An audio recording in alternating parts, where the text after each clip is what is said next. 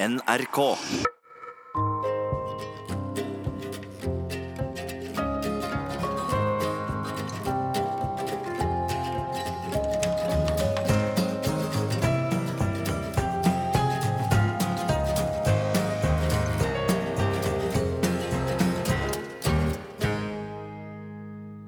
I heile min oppvekst sto far min i veitene.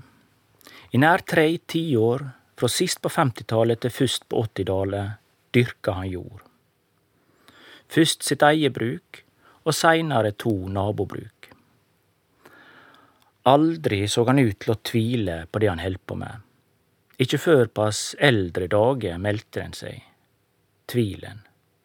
Det meldte seg da døtra til bror min sto overfor valet om hun skulle ta over bruket eller ikkje. Mitt navn er Bjørn Egil Flø. Jeg er bygdesosiolog og forskar ved Norsk institutt for bioøkonomi. I den neste knappe timen så vil jeg freiste å finne ut hvorfor jeg vart nett den bygdeforskaren jeg vart. I de siste åra så er jeg blitt gjort klar over at jeg ofte inntar et eh, pessimistisk perspektiv, og av og til så kan jeg virke nokså svartsynt på mange. Det er andre som har fortalt meg det. Det er andre folk som fortalte meg at jeg ber på et slikt svartsyn. Det er folk jeg kjenner bare slik passe godt. De kjem av og til bort til meg, eller de kan skrive e-post til meg. Gjerne etter et foredrag, eller etter at de har lest noe jeg har skrevet en plass. Da kan de, på en hyggelig måte, fortelle meg at de tykker det var godt å få ei dose sunnmørsk svartsyn. Men sant å seie så veit ikkje eg hvor glad jeg er for å være en slik vandrande representant for eit sunnmørsk svartsyn. For jeg ser normalt lys på ting. Jeg er normalt positiv og optimistisk, og jeg har stor tru på folk rundt meg. Jeg meiner, jeg blir med på det meste, og jeg er lett og glad i hverdagen. Jeg er på ingen måte noe festbrems. Slik privat, altså. Nei, det er mest i jobben. Det er mest når jeg som bygdeforskar og sosiolog blir bedt om å seie eller tenke noe meir eller mindre klokt om framtida for norske bygder, eller de tradisjonelle bygdenæringane, at de sliter. Det er da svartsynet slær til, og det er da at de strever sjøl om sola skiner. Jeg er født og oppvoksen på et melkebruk på Flø. Ei lita grend i Ulstein kommune, yst ute på ytre Søre Luten ta Sunnmøre. Her er landskapet, så vel som folket, sterkt prega av søvest kuling og regn. På ei smale og nakja stripe med skrinje matjord mellom storhavet og fjellfoten har småbruka lagt seg side om side. Her har generasjoner av fiskarbønder plukka stein og sett veite, alt for å drenere myrene og for å kunne dyrke mat nok til å stette fiskerbondefamiliens behov for poteter, mjølk og kjøtt. Jeg kan så vidt huske somrene først på 70-tallet, Mer det enda var drift på mest av alle småbruka her. Hesjane sto som snorrette line på tvers av engden. godt støtta ta skåre på alle staura. Her fann me ungane kjærkomen livd for nordavinden når me leika hæskogg i sola på søsida. Dei fleste dreiv med sau og mjølkekyr og kanskje nokre gris og høns i tillegg. Nokre dreiv også med poteter og gulrøtter for sal, for det var til dels gode priser på fløgulrota. Den vaks seg så rett og så store i den nære sandrike jorda lengst ned mot fjøra på Flø. Nokre meinte endatil den var ekstra god, for den smakte visst ørlite ta salt hav og nordavind, sa dei, ulstavikarane, da dei kom for å kjøpe. Om vintrane seig stortosken inn mot kysten. Da gikk praten lett mellom karene der dei møttes på butikken eller inne på havna. Når det lysna til dag, så kunne vi sjå sjarkane blenkje i den låge vintersola i horisonten, der de låg ute på falla og drog stortorsk. Det var ei særskilt lett stemning i bygda heime når torskefisket var bra. Men med moderniteten var verken gardane eller båtane store nok lenger. Da kom spesialiseringa. Da skulle kombinasjonen avviklast. Da skulle fleirsysleriet og det sesongbaserte tilleggsarbeidet utafor bruket avviklast. Det måtte det, sa politikerne.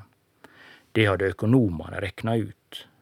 Og bak dei fylte agronomane opp med kunnskap om korleis en med færre hender i arbeid skulle oppfylle de politiske måla om effektivisering og produktivitetsauke.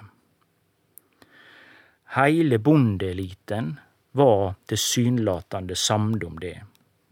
Det var brei politisk semje om at det som hadde vore mest av naturtilstanden for det norske landbruket opp gjennom heile historia, nemlig kombinasjonen, skulle vrakast til fordel for en idé om at ei heil familie skulle leve ta eitt gardsbruk aleine. En må mengst ha gått på skule på Ås for å klekke ut en slik idé, sa far min på sine gamle dager, og sikta til alle i landbruksforvaltninga som satt med eksamenspapir fra Landbrukshøgskolen. Men før det var han like mykje med på det, han som alle andre. Han la veitene i rør og drenerte myrene det han var mann for, og vel så det.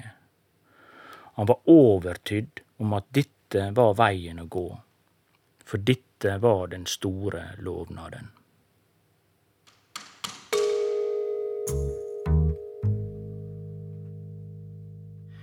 Jeg så lite av far min i oppveksten. Han sto opp lenge før meg og kom i hus først lenge etter at jeg hadde lagt meg. Men jeg var nok ikke aleine om det på syttitallet.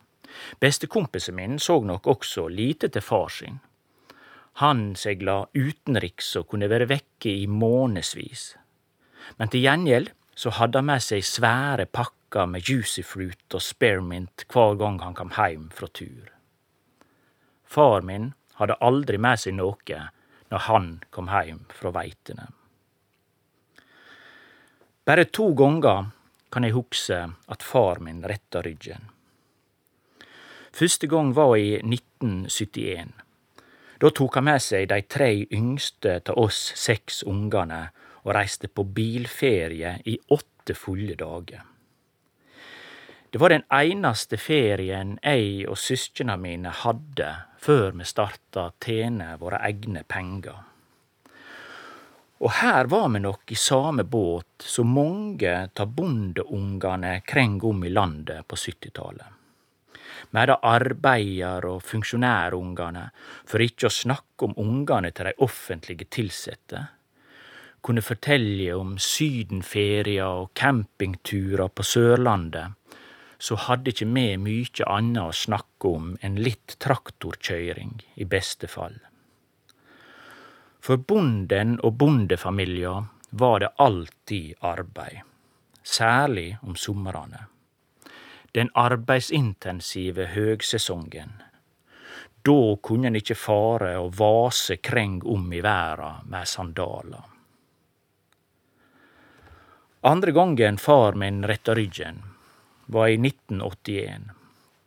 Da tok han med seg mor mi på en tur til Trøndelag. Der møtte han flere av profilene i bondeeliten de han bare kjende fra avisene, og som han inntil da hadde trudd på. Han vitja dei på gardane deira og snakka gardsdrift og landbruk med dei, og han kjende seg meir og meir viss på at disse ikkje var hans like.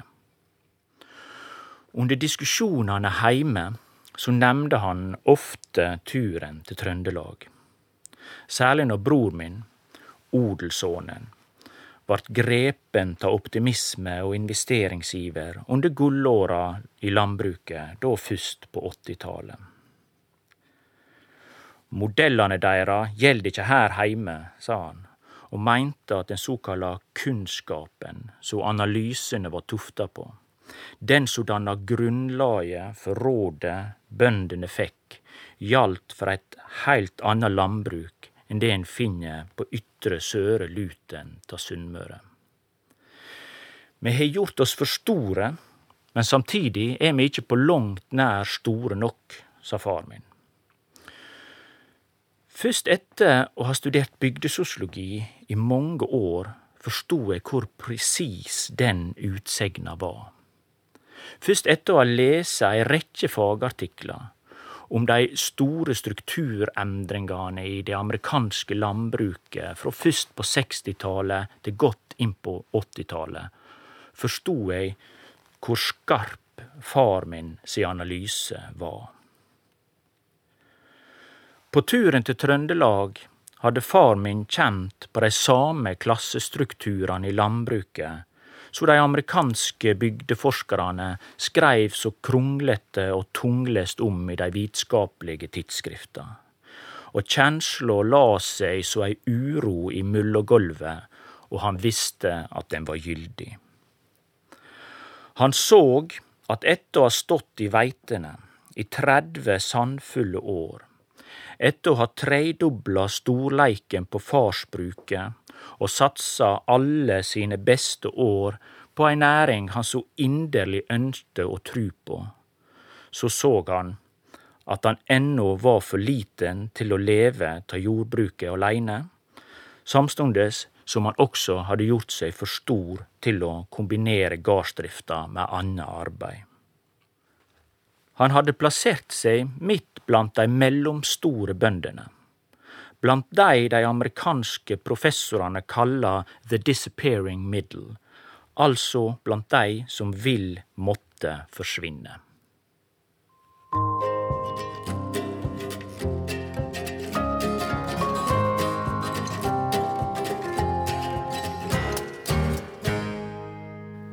Neste og hver søndag reiste far min og mor mi på biltur i den gamle Austin Cambridge stasjonsvogna vår. Det var på disse turene at jeg fikk lære noe om sammenhengen mellom sjokolade og maskulinitet, og verdien av å koble teoretisk og praktisk kunnskap. Formålet for turene var å snakke med de andre bøndene kring om på Sunnmøre som nett hadde bygd seg nye fjøser. De ville samle erfaringar, sjå og lære, for å finne de beste løysingane nå når de sjøle skulle bygge. For som han sa, far min, du kan ikkje stole på disse fjøstegnarane som sitter på landbrukskontoret på Molde. Høgt utdanna er dei papphanane, men det praktiske har ikkje dei greie på. Nei da, han hadde ikkje forakt for teoretisk kunnskap bare for praktisk kunnskapsløyse. Derfor så bygde han seg også en langt større gjødselkjeller enn hva han fikk lov til. Du veit, med alle regnværsdagene vi har her på Flø, så lyt en kalkulere med at han ikke kan få kjøre møkk når som helst. Og bare få år etter så kom kravet som gjorde at en ikke lenger fikk lov å kjøre gjødsel på tela mark. Da leit de til med ekstra gjødselkumme, dei som hadde vore lydige overfor teoretikerne på Molde.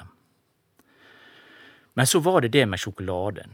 Som sagt, det starta der, altså på disse turene, eller rettare, på ferjene. Ferjene var så sjølve fridommen å rekne for oss ungene. Der fikk vi endelig strekke på føttene og renne ta oss litt snar før neste kjøyrykt. og far og mor fikk seg kaffe. Mor kjøpte seg ofte ei svele også, medan far kjøpte ei lita plate firkløver, Slik slik som kosta ei krone den gongen.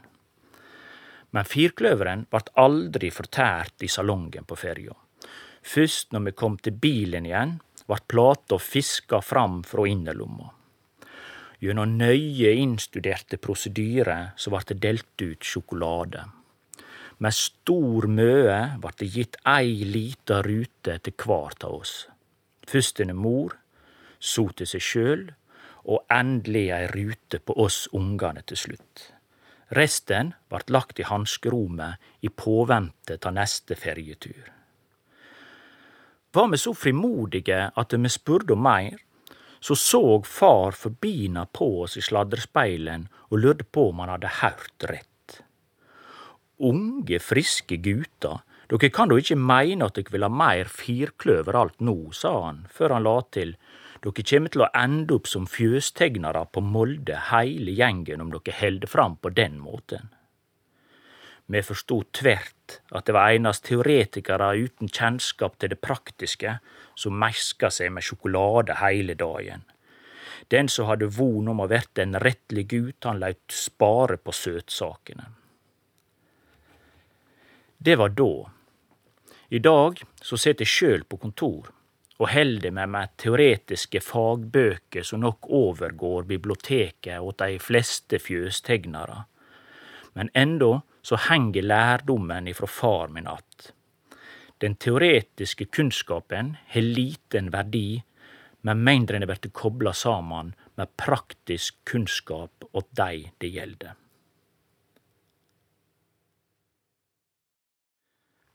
Vi brukte ha en pinne i baklomma medan vi tynna gulrøtter på garden heime.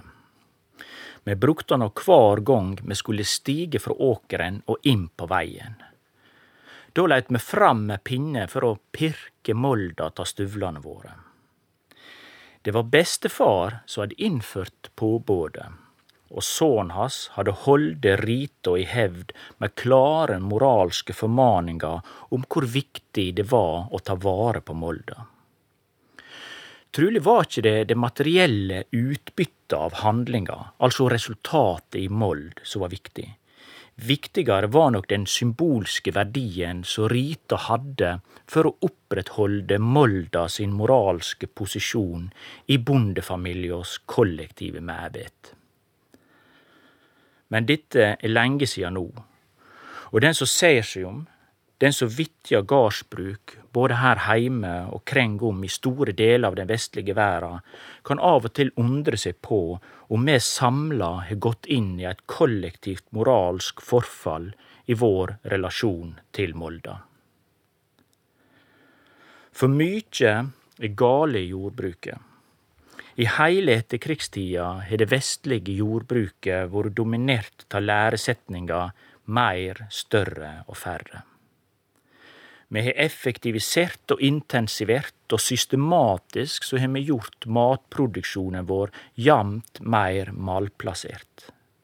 Vi har øyd store deler av grunnlaget for matproduksjonen i verda, Molda. Denne livgivende samlinga tar komplekse mikroorganismer som heile vår sivilisasjon er tufta på. Det skjer en konsentrasjon av tung teknologiavhengig jordbruk i det meste av den vestlige verda. Etter kvart har vi sett at rike agrobusiness-selskap etablerer seg i jamt flere institusjonelt svake land som Etiopia, Sudan og Mosambik. Alle kjennetegna tar svake lovheimler som muliggjør rovdrift på jord så vel som på folk. I de fleste høve er en vitne til ei omfattande utsletting av tusenvis av år med lokal kompetanse om å drive jordbruk under de stadegne klimatiske forholda, uten å pøse på med verken kunstig vatning eller gjødsling. Bøndene som har denne kunnskapen, vert i dag kjeppjaga fra jordstykka sine ta multinasjonale agrobusiness-selskap og grådige araberstater som aktivt støtter den omfattende nykolonialismen. Sjøl veit eg ikkje anna enn at en dag så lyter me betale prisen for denne grådigheita. Og det vert ikkje agrobusiness-selskapa som betaler, annan det vert du og eg. For nokre år sia så vitja eg nokre bønder i Midtvesten i USA. Verdas største matkammer. Og da eg kom til Kansas, langt sør i Midtvesten, så møtte eg Rex. Han dreiv et litt under gjennomsnittlig stort bruk på 5000 mål i den nordaustre delen av Kansas. Hit kom han sammen med far sin og resten av familien sist på 50-tallet. Da delte den amerikanske staten ut billig jord til bønder som var villige til å satse. Rex og familien pakka saman det de trong, og reiste ifra det melkebruket som de hadde drevet i tre generasjoner i delstaten Vermont i USA. Der hadde de mer enn 500 mål med god matjord, naturlig vatna ta regnbyene. Men nå var det for lite og for ineffektivt til å fø ei familie. Og da var det bare å starte på nytt i Kansas. Da Rex kom her sist på 50-tallet, var landskapet her eit tort og karrig steppelandskap som ikkje egna seg til annet enn kvegbeite. Her levde cowboyene sine nomadiske liv, torre i kjeften ta sand og dårlig bourbon. Men myndighetene ville effektivisere produksjonen. De ville det skulle produserast meir og billigere, og teknologien fanst. Elektrisiteten og hydraulikken og alt som skulle til av fin styringsteknologi, gjorde det lett å suge opp eldgammalt grunnvatn som ga liv til vasshungrige plantevekster. Og bønder som ville legge om fra ekstensiv kvegdrift til intensivt vatningsjordbruk, vart rundhanda støtta. På få år vart det tidligare torre steppelandskapet transformert til bugnende åkra som utkonkurrerte enda meir av de tidligare så rike jordbruksområda kreng om i landet. Men prisen for dette eventyret betaler Rex nå, knappe 60 år etter. I dag er det meste av vannet pumpa opp. Der far hans stakk eit røyr knappe 20 meter ned i bakken, må Rex ned på nær 95 meter nå for å hente vatn. Under Rex sin eiendom er det i dag bare ti år att med vatn, og livsverket som han og far hans bygde opp, er dømt til å gå til grunne. På under 60 år så har vi altså drukket opp grunnvatnet så det tar mer enn 6000 år å samle opp. For hvert år som går, så blir det to prosent mindre vann i denne enorme grunnvasskjelda, som holder nær en sjettedel av verdens befolkning med mat. Hvorfor let vi det skje? Det er spørsmålet bønder og vanlige folk, de som ser det med egne øyne, stiller seg. Men dessverre er det ikke det spørsmålet politikerne er opptatt av. Det er heller ikke det spørsmålet landbruks- og bygdeforskarane kring om i verden blir sett til å finne ut av. De blir bare bedt om å komme opp med tekniske løysingar som kan opprettholde det destruktive systemet, for det er det som teller i dag. Teknofix-løysinga nærast spytta den amerikanske bonden Rex ut. Det er det vi vert tilbydde. Midlertidige løysingar som bare skal bøte på konsekvensane, ingenting anna. Sjøl laut han inngå et samarbeid med Monsanto om å utvikle genetisk manipulerte plantesorter som skulle tåle tørken bedre. Men som Rex sa, mine individuelle og kortsiktige løysingar løyser i beste fall bare mine kortsiktige behov ingen andre sine. Ingen stiller lenger spørsmål som går til kjerna av utfordringane vi står overfor, nemlig korleis best tilpasse landbruket til de naturgitte forholda på staden.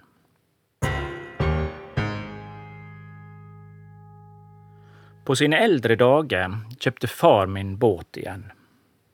Da hadde han knapt vært på sjøen annet enn med færingen for å hente kokfisk, siden han mønstra av sist på 50-tallet. Men etter at bånda til bror min vokste til og kunne hjelpe til på gården, så vart det meir rom for far min å gjøre det han nok lenge hadde sakna, nemlig drive sjøen. Sjøl hadde eg flytta ut for lengst, men ofte kunne eg komme heim bare for å være med, særlig vintrene, under torskefisket det var moro. Men også akkerfiske inne i de lange og stupbratte fjordane på Sunnmøre var kjekt. Jeg så ei ny side av far min da, både ei lettare og ei dystrere side på same tid. Han gikk ofte langt for å finne fisken, far min. Og de tidlige timene i gryotta, fra hamna til vi var framme på feltet, var ofte fine samtaletimer. Da kunne han fortelle om oppveksten, historier jeg aldri før hadde hørt. Han kunne fortelle om de første åra, da han tok over bruket etter sin far hvordan han finansierte den første fjøsbygninga tidlig på 50-tallet, med turer vest til Island etter silda, og ikke minst om turene i ishavet på fangsting. Det var fascinerende å høre på, og ofte kunne jeg ønske at vi gikk lenger ut, bare for å få høre mer. Han hadde aldri fortalt slik før, han hadde aldri fortalt så lange, sammenhengende fortellingar, og aldri så reint og rett ut ærlig. Men med blikket retta mot horisonten, tobakk i pipa og fyrstikkøstja i nøvane, så fortalde han om gledene og sorgene som fylgde i kjølvatnet ta å gjere eit kombinasjonsbruk om til eit heiltids melkebruk. Alt saman bare for å sjå at det ikkje vart verdsett av samfunnet. Lovnaden vart bråten og vona likeleis. Jeg veit ikkje kva som fikk far min til å fortelje slik. Men eg tenker det var på den tida han startet slite med vissa om at dattera til bror min snart skulle stå over for eit viktig val eit val om å skulle ta over bruket eller ikkje. Eg tenker han trong noen å snakke med. Seinare, etter at eg vart bygdeforskar, så kjem disse her stundene ofte attende til meg. Da kjem dei attende når eg møter folka som eg forskar på. Bønder og bygdefolk, dei som set seg ned for å snakke med en forskar dei ikkje kjenner, men som dei likevel trur på ærendet til. De kan fortelje nære, personlige fortellinger som ofte river i meg, og eg tenker ofte, kan jeg bære dette ansvaret? Kan jeg klare å gjøre meg verdig denne fortellinga? Det er det vanskeligste med jobben min. Hvordan skal jeg fortalt dette videre? Hvordan skal jeg få sette fortellingene deres inn i en vitenskapelig, politisk og sosial sammenheng som kan føre til ørsmå endringer i rett retning? I retning av å betre vilkåra for dei som eg snakka med, bøndene, fiskarane og skogbrukarane våre. Korleis skal eg gjere meg tillita verdig? Her hin dagen så snakka jeg med ein bonde frå Sør-Vestlandet. Han ringde meg eh, om noe heilt anna, men etter ei stund så kom vi inn på det en gjerne snakka med husdyrbønder om på somrane, nemlig avlinga. Fortellinga han ga meg, var sår. Jeg fikk den kroppslige kjensla jeg ofte får når jeg snakker med enskildbønder, men så sjelden slår inn når jeg snakker om jordbruket i det store. Det var noe med stemma hans. Det var noe med korleis stemma hans let som gjorde at jeg, over telefon, uten å sjå hana, merkte det var tungt for han å snakke om. Det har vært et grusomt år hittil, sa rogalandsbonden. Alt i månedsskiftet mai-juni kunne han konstatere at han ikke hadde beite nok til ammekyrne sine, og han leit levere 25 dyr for slakt. Og veka etter var det klart at avlinga var så dårlig at han ikke kom til å ha vinterfôr for mer enn halve melkekyrbesetninga. Turka var årsaka. Årsaka var det fine været som me byborgarar og lønnsarbeidarar kunne nyte. Årsaka var det tabloidpressa kalla tidenes sommer, alt før sommeren egentlig skulle ha starta.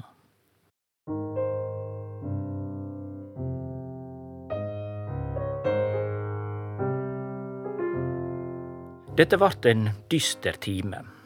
Ja, jeg er lei for det, men jeg er noe dyster om dagen. Kanskje kjenner jeg på det samme vonbrotet som far min kjente på de siste åra han levde. Kanskje kjenner jeg på den samme uroa som bror min nok har kjent på de siste åra. Nå medan dattera hans legde ut mjølkekvota ei tid, for å freiste å finne ut hva hun skal gjøre med dette bruket.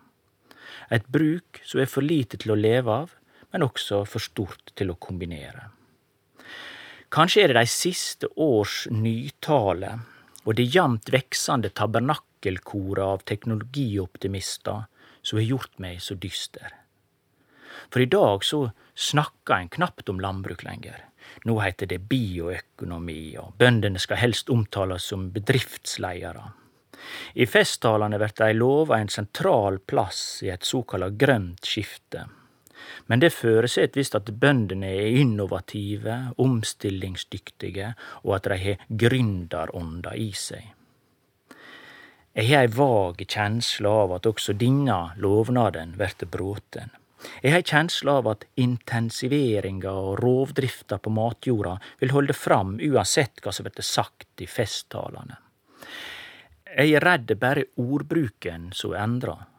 For de som arbeider på jordet, vil nok den nye bioøkonomien være heilt lik den gamle landbruksøkonomien. Retorikken bidreg neppe til anna enn å skru opp farta på landbrukets tredemølle. Og bøndene lyt sprenge forare og forare for hvert år. Jeg meiner, ser vi det ikkje? Ser vi ikkje at matjorda vert utarma? Ser vi ikkje at grunnvatnet vert drukke opp og at bruk legger ned? Eller ønsker vi berre ikkje å gjere noe med det? Det ser ut som det einaste vi gjør, er å utnytte disse varsla krisene til å spinne nye forretningsideer rundt. Når turken vert tittare og grunnvassnivået fell, så utvikler vi nye plantesorter som vi da kan patentere og selge på marknaden. Miljøkrisa og krisa i jordbruket har blitt sjølve forretningsideen. Og skulle noen kritisere det, blir de aktivt sanksjonert og uthengt som kunnskapslause og bakstreverske samfunnsfiender. Men kjenner jeg bønder og bygdefolk flest, så veit jeg at de greier å finne sin egen vei.